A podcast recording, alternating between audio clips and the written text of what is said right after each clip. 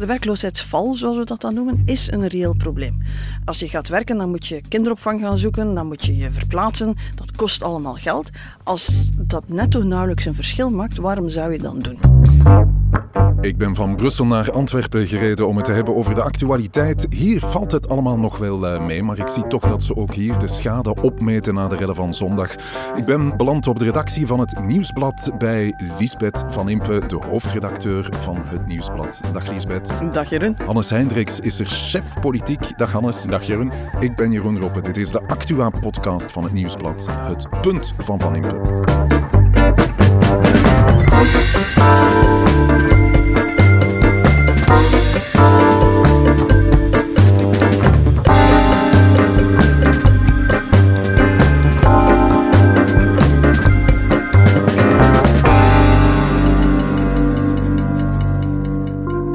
Gekeken zondag, Lisbeth, naar België-Marokko? Ik was een beetje... Ik had niet goed opgelet wanneer het juist begon. En ik was, ik, was, ik was nog gaan brunchen. Je dacht en dat ik het s'avonds was, de match. Ja, ik was een beetje te laat. Maar ik heb de tweede helft gezien en daar werd ik niet vrolijk van. Ja, voor alle duidelijkheid, we zijn dinsdag vandaag, dus België-Kroatië hebben we nog niet gezien, want die wedstrijd heeft eh, nog niet plaatsgevonden. Dat is trouwens de reden dat we een beetje vroeger opnemen. niemand hier nog in eh, gelooft, behalve ik en jij misschien ook, Hannes. Nee, ik geloof er niet meer in. Ik ben op zoek naar een nieuwe nationaliteit. Nochtans, er zijn nog believers op de redactie. Je hebt er bijna compassie mee die nog altijd zeggen, het kan nog. Allee, ja. Ik ben ook zo iemand, iemand die er eh, tot op het einde van de wedstrijd tegen Marokko nog in geloofde. Maar goed, eh, over wat er in eh, Brussel en in heel wat andere steden gebeurde na de zege van Marokko hebben we het straks. Ik wil het ook hebben, Hannes, over het loonakkoord, want we hebben er één of bijna één. Dat op zich is een prestatie. Hè? ja, inderdaad. Het was door sommigen voorspeld als het mogelijke einde van Vivaldi. De regering zou daar niet over geraken. Nu, er is toch een, een akkoord, of de contouren van een akkoord. akkoord. Er zijn wel nog wat onduidelijkheden, maar daar zullen we het straks over hebben. En iedereen is mal content, dus het is een compromis. Ja, maak eh, straks maar je punt. Maak er ook een, alsjeblieft, over grensoverschrijdend gedrag. Want daar wou je het absoluut over hebben. We hebben het eh, daar vorige week toch nog over gehad. We hebben het vorige week, vorige week hebben we het ook over voetbal gehad, als ik me goed herinner. Ook, dus we beginnen een beetje monothematisch te worden. Maar nee, er is een grote oproep om het eindelijk over MeToo in de politiek te gaan hebben. En dat kunnen we toch niet helemaal negeren als we iedere andere sector al hebben zien passeren. Ja, daar mag je straks eh, je punt over maken, Lisbeth, met de hulp van een uitstekende Belgische wijn. Een wijn uit Luik. En ik zie je zo raar kijken naar het glas, maar het is... Nee, Jeroen, ik ben volledig vertrouwd met het eh, principe dat er oranje wijn bestaat. Inderdaad, dit is een oranje wijn. Een wijn die vaak eh, gedronken wordt door mensen die er niks van kennen en gewoon hip willen doen. Dank je, maar, Nee, maar ik moet eerlijk toegeven, Lisbeth, dat ik het ook heel graag drink, zo'n oranje wijn. Dit is wat mij betreft een van de betere oranje wijnen van ons land. Deze van de Ardent eh, Winery uit Luik. Op aflevering 67 van het Punt van Van Impe. Omdat we vinden dat als er hoge of uitzonderlijk hoge winsten worden gemaakt, dat werknemers die aan het werk zijn in zo'n bedrijf, daar toch ook wel hun graantje mogen van meepikken. Anderzijds zijn er ongetwijfeld veel bedrijven waar het vandaag moeilijk gaat. En daar moet je ervoor zorgen dat die bedrijven natuurlijk niet verder in moeilijkheden komen. Er is een akkoord binnen de federale regering over onze lonen. Die worden wel geïndexeerd, dat wisten we, maar eh, we krijgen er geen loonsverhoging bovenop. We kunnen wel een cheque krijgen, tenminste als het eh, bedrijf waar we werken het heel goed doet. Zo is het ook, hè Hannes? Ja, klopt inderdaad. Die cheque zal maximaal 750 eh, euro bedragen. Dat is meer dan twee jaar geleden. Toen had de regering... Toen was dat zo'n corona-consumptie-check gedrocht Ja, ding, hè? inderdaad. Van maximaal 500, eh, 500 euro. Toen was er wel een klein beetje marge om de lonen te gaan verhogen. Eh, nu is er dus 0,0 marge. De lonen zullen de komende twee jaar niet stijgen. Maar in sectoren die goed geboerd hebben, waar er heel veel winst is gemaakt, ik denk dan bijvoorbeeld aan de energiesector of zo, daarin zal er dus ja, een grote, hoge premie komen voor werknemers, 750 euro. In andere sectoren, ja, daar zal dan weer geen ruimte zijn, omdat bedrijven zelf in moeilijkheden komen met, ja, denk maar aan de, de torenhoge energiefactuur bijvoorbeeld, of de loonindexering zelf. Voor alle duidelijkheid, onze lonen worden geïndexeerd. We krijgen daarnaast niet nog eens een loonsverhoging, maar dus wel die cheque. Dit is, lijkt me, een eh, belangrijk eh, compromis, Lisbeth. Het is zelfs meer hoor. Sommigen hebben echt voorspeld dat dit het waterloo van deze regering zou worden. Eigenlijk heeft Vivaldi in het begin, in het huwelijk tussen socialisten en liberalen, één basisdeal gemaakt. We zeggen altijd dat ze geen afspraken gemaakt hebben, ze hebben er eigenlijk één gemaakt. We gaan afblijven van de automatische indexering. Ja. Iets waar werkgevers graag ja, toch wel wat vraagtekens bij stellen. En we gaan ook afblijven van de loonwet, de loonnormwet. Dat is eigenlijk de grof gesteld een soort van check op de stijging van de lonen die er moet voor zorgen dat we geen concurrentieel nadeel krijgen ten opzichte van buurlanden, waar Ja. automatische indexering niet bestaat en waar ja, lonen doorgaans de gewoonte hebben om iets trager te stijgen dan onze. Nu, iedereen zit nu al de hele tijd naar die galopperende inflatie te kijken. En wat zie je? Langs de kant van de werkgevers werd er gezegd van ja, maar ja, nu kunnen we toch die automatische indexering niet blijven volhouden. Daar gaat de economie de nek omdraaien. De vakbonden zeggen, automatische indexering, dat is helemaal geen opslag. Dat is gewoon een correctie van de lonen naar de levensduurte. Dat, dat, dat compenseert zelfs niet volledig voor het verlies aan koopkracht. Daar moet opslag bovenop. Ja. Dus alle partijen zitten daar gevrongen tussen hun eigen achterballen. En wat je nu ziet is, eh, nee, het is niet de val van de regering geworden. Het is niet eh, het grote Armageddon waarbij eh, er geen akkoord kan gesloten worden. Ja. Ze hebben eigenlijk een heel pragmatisch midden gevonden. We houden, we gaan geen opslag geven, die ruimte is er niet.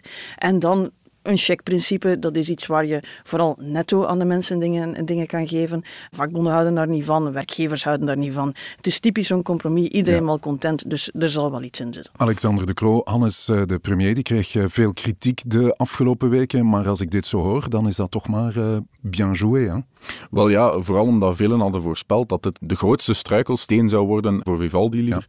Ehm, ik, ik hoor het Paul Magnet eigenlijk zelf nog zeggen van eh, ja, het loonakkoord, ja, ik weet niet of dat Vivaldi eh, daar door zal geraken, wel we daar een compromis in kunnen vinden, net omdat socialisten en liberalen daarin recht tegenover elkaar staan. Eh, wat nu betreft, ja, zijn ze eigenlijk een beetje geholpen wel door die torenhoge inflatie. Omdat Ja, gek voor- genoeg wel, ja. voor iedereen duidelijk was dat er 0,0% marge was om de lonen te gaan verhogen. Nu, die premie die ze nu gaan uitkeren, eh, is inderdaad wel een handig achterpoortje om ervoor te zorgen ja, dat in de bedrijven waar het wel goed is gegaan, die wel veel winst hebben gemaakt, dat er toch iets mogelijk is voor die En werknemers. vooral de duidelijkheid, definiëren wat een bedrijf is dat veel winst maakt en uitzonderlijk veel winst maakt, dat is iets wat ze nog moeten uitklaren. Ja. Dus dat is iets waar ja, de kleine lettertjes er ook nog te doen. Lisbeth, dat was het eerste deel van het eh, akkoord. Het tweede deel had te maken met het verdelen van de welvaartsenveloppen. Ja, Wat is dat Dat is zo'n woord dat af en toe Ja. is passeert, maar dat hoort eigenlijk voor een stuk bij het loonoverleg. Dat zijn trouwens dingen waar we altijd eerst naar de sociale partners kijken. Als die er niet uit geraken, komt het bij de regering. Dat was bij de welvaartsenveloppen nu ook het geval. De lonen, dat is een zaak van bedrijven, maar intussen wordt er ook gekeken wat er met de uitkeringen moet gebeuren. Daar is een som geld voor, dat is een een miljard Ja, 900 miljoen. Bijna een miljard euro, dus dat, dat gaat over een serieuze som geld. Waarmee je ervoor zorgt dat ook de uitkeringen niet gaan achterlopen op de lonen en dat ook daar correcties zijn bovenop de index. Hè, want de indexering speelt daar ook. Nu, daar is altijd heel veel discussies over. Niemand discussieert over ziekteverzekering en dat soort Nee, toestanden. hè. dat is werkloosheidsuitkeringen. werkloosheidsuitkering. Dat is daar altijd het grote struikelblok. Want als je dus zegt dat de lonen boven de index niet mogen stijgen, maar de werkloosheidsuitkeringen wel, ja, dan maak je weer het verschil tussen werken en niet werken Ja. kleiner. Ja. Eh, minder aantrekkelijk om te werken en daar bestaat dus altijd discussie over. Ze hebben ook daar een soort van handig midden gevonden. Voor de eerste keer wordt die welvaartsenveloppe niet alleen gebruikt om de uitkeringen op te trekken, maar gaat er ook een stuk ervan naar het optrekken van de minimumlonen. Of toch Ja. het fiscaal interessanter maken van een minimumloon, zodat mensen er netto meer aan overhouden. Ja, dus dat is eigenlijk een eh, manier om daar een dan beetje... wel eh, interessanter. Is een beetje een manier om daar te sleutelen. Je kan voor de beide punten iets zeggen natuurlijk. hè. We weten dat de automatische indexering minder goed werkt voor lage lonen en lage uitkeringen. Daar wordt een groot deel van het budget van de mensen ingepand door basisbehoeften en die worden minder gecompenseerd door de index dan een hoog loon waar ook procentueel evenveel bij komt, maar netto dus een heel pak meer. Dus eh, je moet opletten dat die lage uitkeringen niet beginnen te hard achter te lopen op de levensduur en op de koopkracht. Maar de werkloosheidsval, zoals we dat dan noemen, is een reëel probleem. Als je gaat werken, dan moet je kinderopvang gaan zoeken, dan moet je je verplaatsen. Dat kost allemaal geld. Als dat netto nauwelijks een verschil maakt, waarom zou je dan doen? Ja.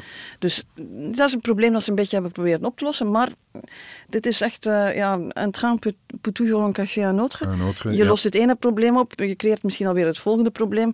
Wat gebeurt dan met iemand met een laag loon die een beetje promotie krijgt en plots niet meer die fiscale gunstregimes heeft? Die houdt als ze niet op, niet oplet minder over dan, dan ervoor. Dus je voelt er aan die onderkant van lonen en uitkeringen, ja, is het altijd een heel fragiel evenwicht bewaren. Ja, dit was een uh, grote test dus voor de regering De Croo, als ik het goed begrijp, uh, Hannes. Maar we zijn er nog niet. Er moet nog uh, heel wat gebeuren. What's next eigenlijk? de arbeidsmarkt, pensioenen? Ja, klopt. Bijna alle partijen zijn eigenlijk vragende partijen om verder te gaan naar hervormen. Het eerste wat terug op de agenda komt is die fiscale hervorming van Vincent van Petegem. Nu ik hoor dat zijn administratie te veel werk heeft en dat het uh, eerste voorstel dat tegen 1 december moest binnen zijn, dat dat er niet komt. Dus eh, daar vraagt hij nog een beetje respijt. Maar dat is dus het eerste dat terug op de agenda komt. En dan zal het terugkijken zijn ja, naar socialisten, liberalen. Hoe gaan die op die socio-economische dossiers, wat toch de moeilijkste zijn uh, voor Vivaldi om op te lossen, hoe dat ze daar verder in gaan. Ook wat arbeidsmarkt betreft, ook exact diezelfde tegenstellingen. Want uiteindelijk hebben ze het hier kunnen oplossen door eigenlijk allemaal op een standpunt te blijven staan en iets creatiefs ertussen te schieten. Niemand heeft eigenlijk een groot principe moeten laten varen. De index blijft bestaan, de loonarbeid blijft bestaan. Dus, en de rest is dan een beetje pappen en nat houden.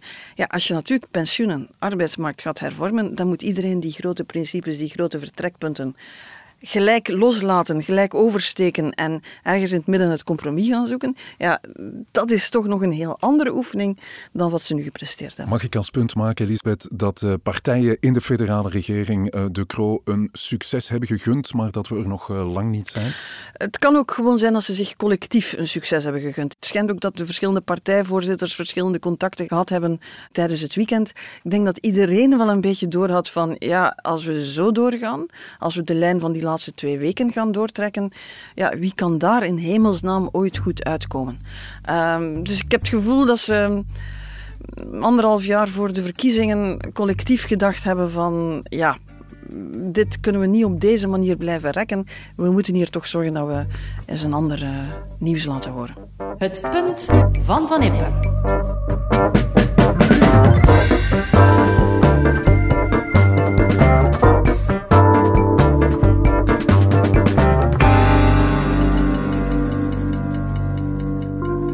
Dat zijn krapul. Is, sorry, dat is niet een supporter. Hè. Ze zijn bezig daar, ze zijn aanwezig daar alleen voor incidenten.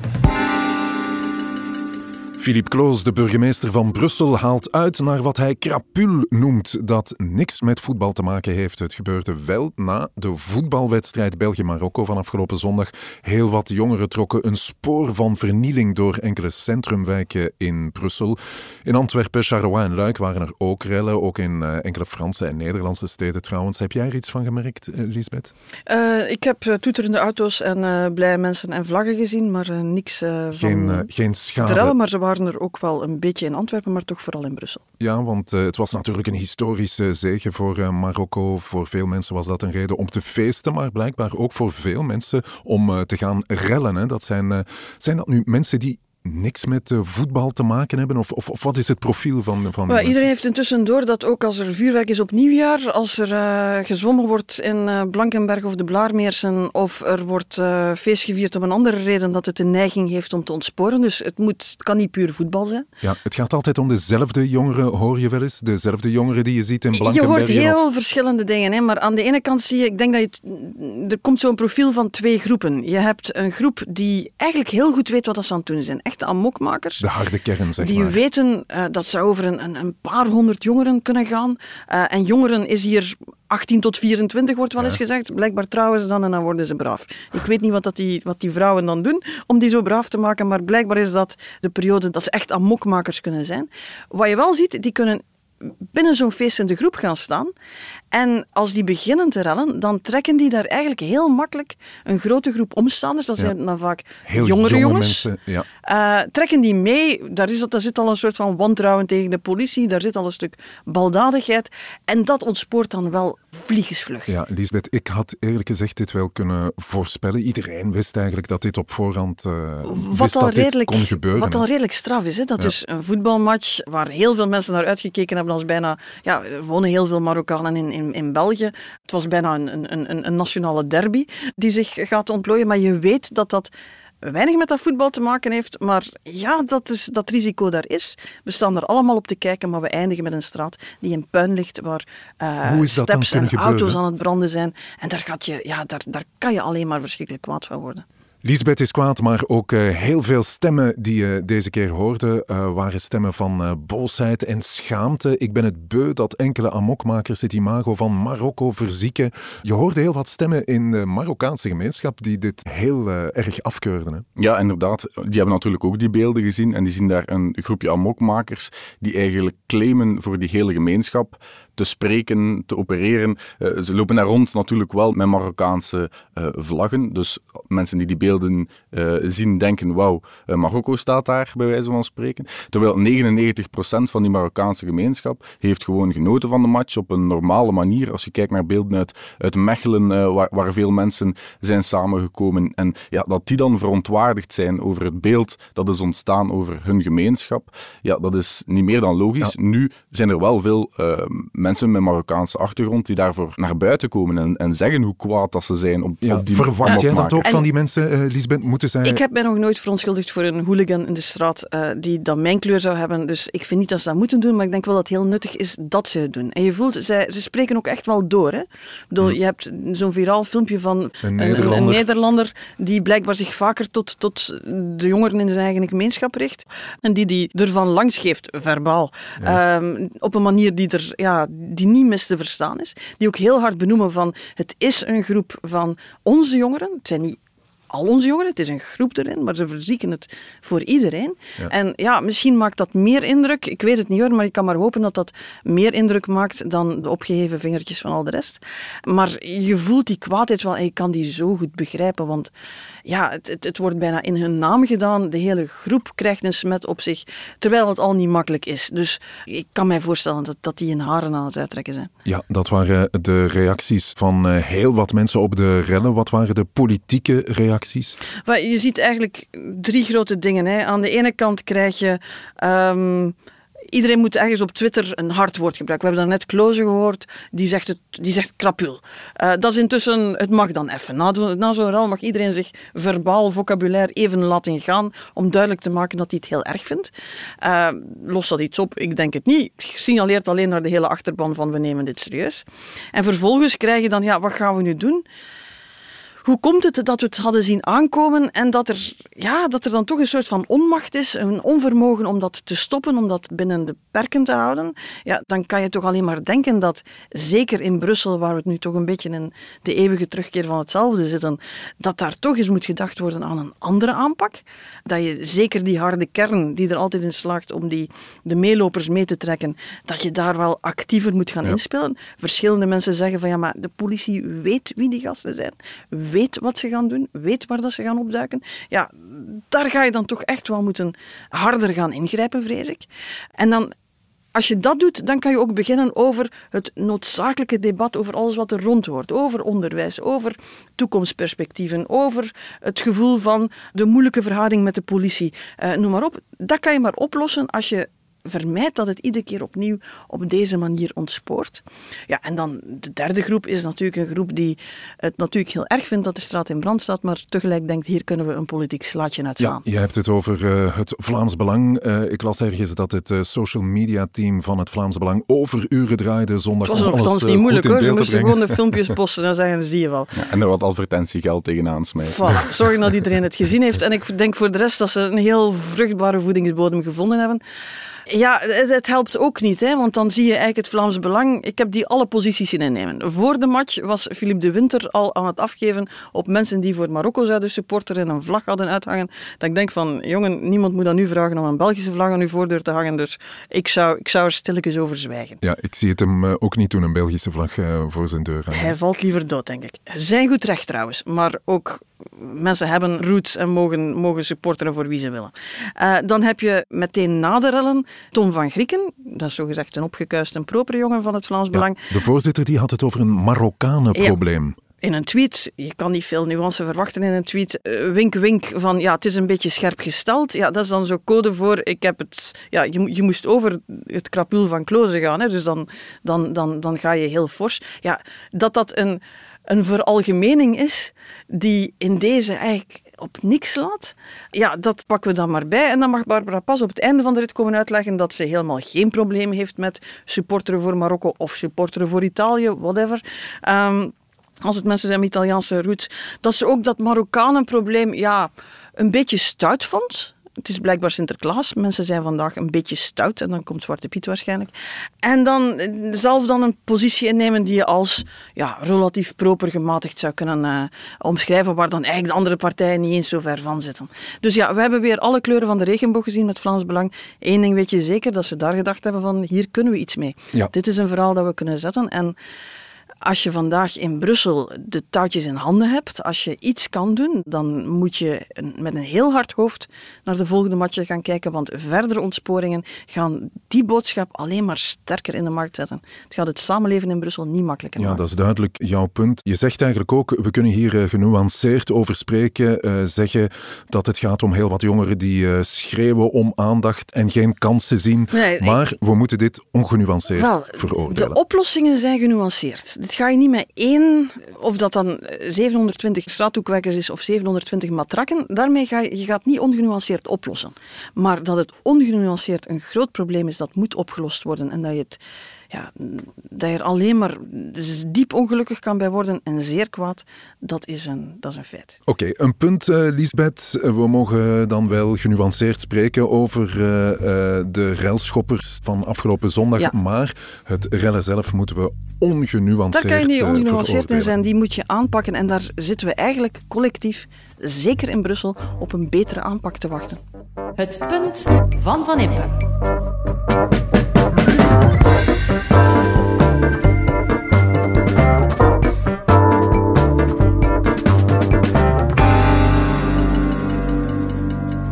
En dan wou ik het nog graag hebben over die open brief. Hè. Die eh, is verschenen in de krant De Standaard, ondertekend door 120 vrouwen die actief zijn in de politiek. Heb jij de brief gelezen, Hannes? Ja, ik heb hem gelezen. Het was een opiniestuk maandag in de Standaard.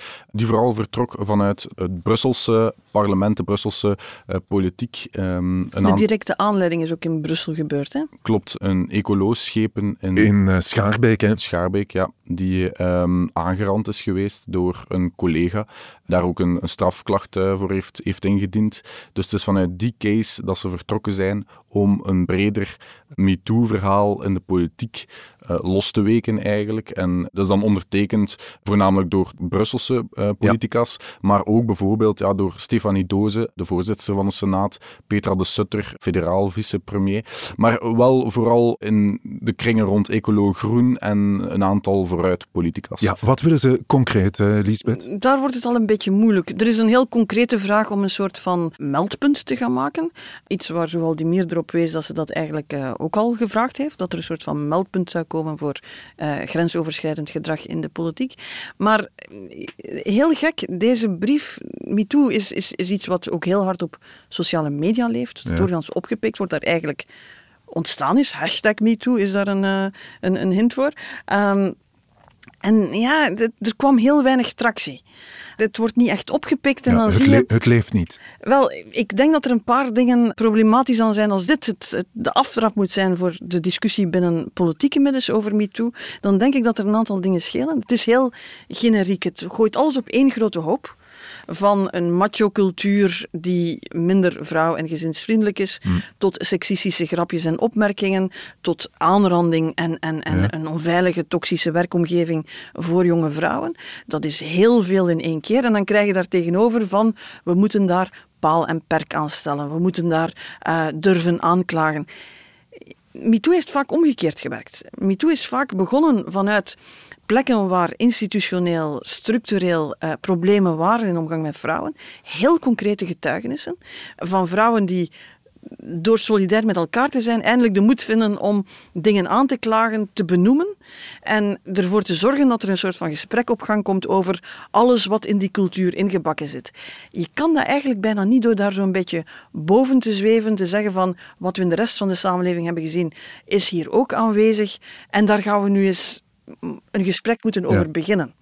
MeToo is vaak, ja, Ja, we hebben het Eh, geprobeerd met de kant ook om het verder te trekken en dan aan de ondertekenaars te vragen van ja, hoe hebben jullie dat dan ervaren, uh, MeToo in de politiek? En kan je eens uitleggen eh, hoe dat al in zijn werk gaat, op welke manier jullie dat ondervinden? En ja, daar kwam eigenlijk niet echt een concreet antwoord op wat het moeilijk maakt. Ik heb ook een beetje het gevoel, het vertrekt vanuit Groen Ecolo. Dat zijn partijen waar al heel lang ook heel veel vrouwen mee aan het roer staan en noem maar op. De suggestie lijkt bijna een beetje te zijn van ja, het is niet zozeer een probleem bij ons, het is, het is meer, ja... Ja. MeToo begint vanuit mensen die zeggen van het, het, het, het, is een probleem in mijn omgeving, in de structuur waar ik deel van uitmaak. Ja, heel wat uh, politica's hebben de brief ook niet ondertekend. Zou jij hem ondertekend hebben? Ik vond hem te vaag. En het probleem is, je kan tegen niks zijn wat in die brief staat. Wat betekent dat het ook heel moeilijk is om er heel enthousiast over te worden. Um, en je voelt wel, ze zeggen dan van ja, we hebben hem overal voorgelegd, maar het is een, toch nogal selectief in wie hem uh, gekregen heeft hun goed recht hè, om te zeggen van misschien willen we er geen Vlaams Belangpolitica of misschien zelfs geen NVA's bij of misschien wel NVA's als het de juiste zijn. Maar ja, ik denk als je een MeToo-signaal wilt gaan geven, dan uh, weet ik zelfs niet waarom het alleen tot vrouwen zou moeten beperkt zijn trouwens. Ook mannen kunnen zich ergeren aan uh, MeToo-sferen en MeToo-misstanden. Dus je voelt dat het, uh, de kracht van het collectieve ja. eigenlijk voor een stuk ontbreekt aan goede wil, geen gebrek, maar een betere tekst, een betere alliantie en een beter verhaal, ja. zou het uh, waarschijnlijk veel Maar Lisbeth, veel dat er een uh, probleem is op dat vlak in de politiek, dat ontken je niet. Ik denk dat dat een debat is dat moet gevoerd worden, waar je vooral ziet van waarom zou het in de politiek niet bestaan en erbuiten wel. Je ziet ook, we hebben een paar opflakkeringen gehad. Hè. Ik bedoel, Paul van den Driessen was politicus voor N-VA toen hij in opspraak kwam, maar ik heb daar toen zelf een stuk over geschreven. Dat ging wel vooral over verhalen toen hij nog journalist was. Ja. En zelfs hoofdredacteur van deze krant. Steve Stevaart is op een bepaald moment uh, gepasseerd, maar daar, daar is het debat dan nooit echt op gang gekomen, gezien het, de tragische afloop van dat verhaal. Buitenland hebben we DSK gehad. Als je vandaag kijkt naar uh, een, een, verhaal als Bill Clinton, dat is eind jaren negentig. Ja, de vroegere Amerikaanse president. Dat is bijzonder die... confronterend als je daar vandaag naar terugkijkt. Inderdaad, de vroegere Amerikaanse president heeft een affaire met een druk, stagiaire. Met een stagiaire die begin de twintig is. In die Oval Office met alle details die daarover uitgekomen zijn. Ja, de focus lag toen heel hard op de president heeft één zijn vrouw bedrogen, twee heeft gelogen tegen de natie. En met Monica Lewinsky werd gelachen. Ja, dat was Vandaag zou de focus veel meer zijn wat hoe steekt een president het godsnaam, in godsnaam in zijn hoofd om met een jonge stagiaire, begin de twintig, een affaire aan te pappen. en, en dat we dan nog eens met dat meisje gaan lachen. Dat dat dan eigenlijk mee een van de, de, de, de boosdoeners is. Dus politiek wordt heel dicht op elkaar gewerkt. Het is een plek waar machtsverhoudingen nu eenmaal inherent ingebakken zijn in het systeem. Ik ben twintig jaar geleden toegekomen. Het is ook een, het is een roddelmilieu. Dus uh, ja. er wordt politiek, omdat ze graag roddelen en omdat het anderen kan schaden. Dus er circuleren heel veel verhalen. Maar het is zeker dat daar MeToo-problemen zijn. En het is mij nog niet duidelijk of dat die in de voorbije vijf à tien jaar aangepakt geweest zijn. Dus eigenlijk moet je vandaag niet gaan zeggen van het is tijd om het aan te pakken. Stel de vraag aan partijvoorzitters. Wat doen jullie om jonge vrouwen die in jullie fracties werken, in jullie partijstructuren werken, die op de kabinetten werken? Wat doen jullie ervoor om ervoor te zorgen dat daar dingen die vroeger gewoon gevonden werden, dat dat vandaag niet meer kan? Moet dat met meldpunt? Misschien, ja.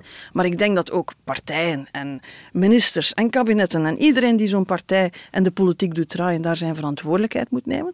Dat daar inderdaad een debat over nodig is, maar dat gaat wel concreter moeten worden. Dan moet je de Bill Clintons en de DSK's ja. en de, de, ja, de cultuur van machismo en een stuk seksisme moet je echt wel gaan doorprikken en je gaat daar voorbeelden, getuigenissen, vrouwen die mee hun nek uitsteken. Het gaat niet anders. Hè. Ik bedoel, ja. uh, geen enkele MeToo-zaak is op gang getrokken zonder vrouwen die hun nek echt uit... Dat is een heel duidelijk laatste punt. Lisbeth, kan jij ermee leven, Hannes? Zeker, zoals uh, alle mannen heb ik geleerd om te luisteren als het over MeToo gaat. dat noemen we vooruitgang.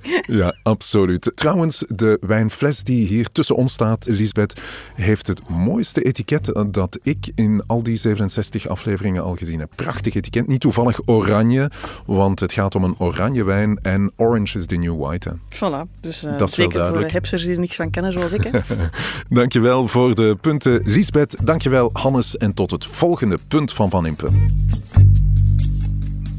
Dit was het Punt van Van Impe, een podcast van het Nieuwsblad. Je hoorde de stemmen van de hoofdredacteur Lisbeth Van Impe en van Hannes Hendricks, chef politiek. Dank aan de VRT voor de audioquotes, aan Pieter Schevers voor de muziek en aan Pieter Santens van House of Media voor de montage. De productie was in handen van Joni Keimolen en Bert Heijvaart. Tot het volgende Punt van Van Impe.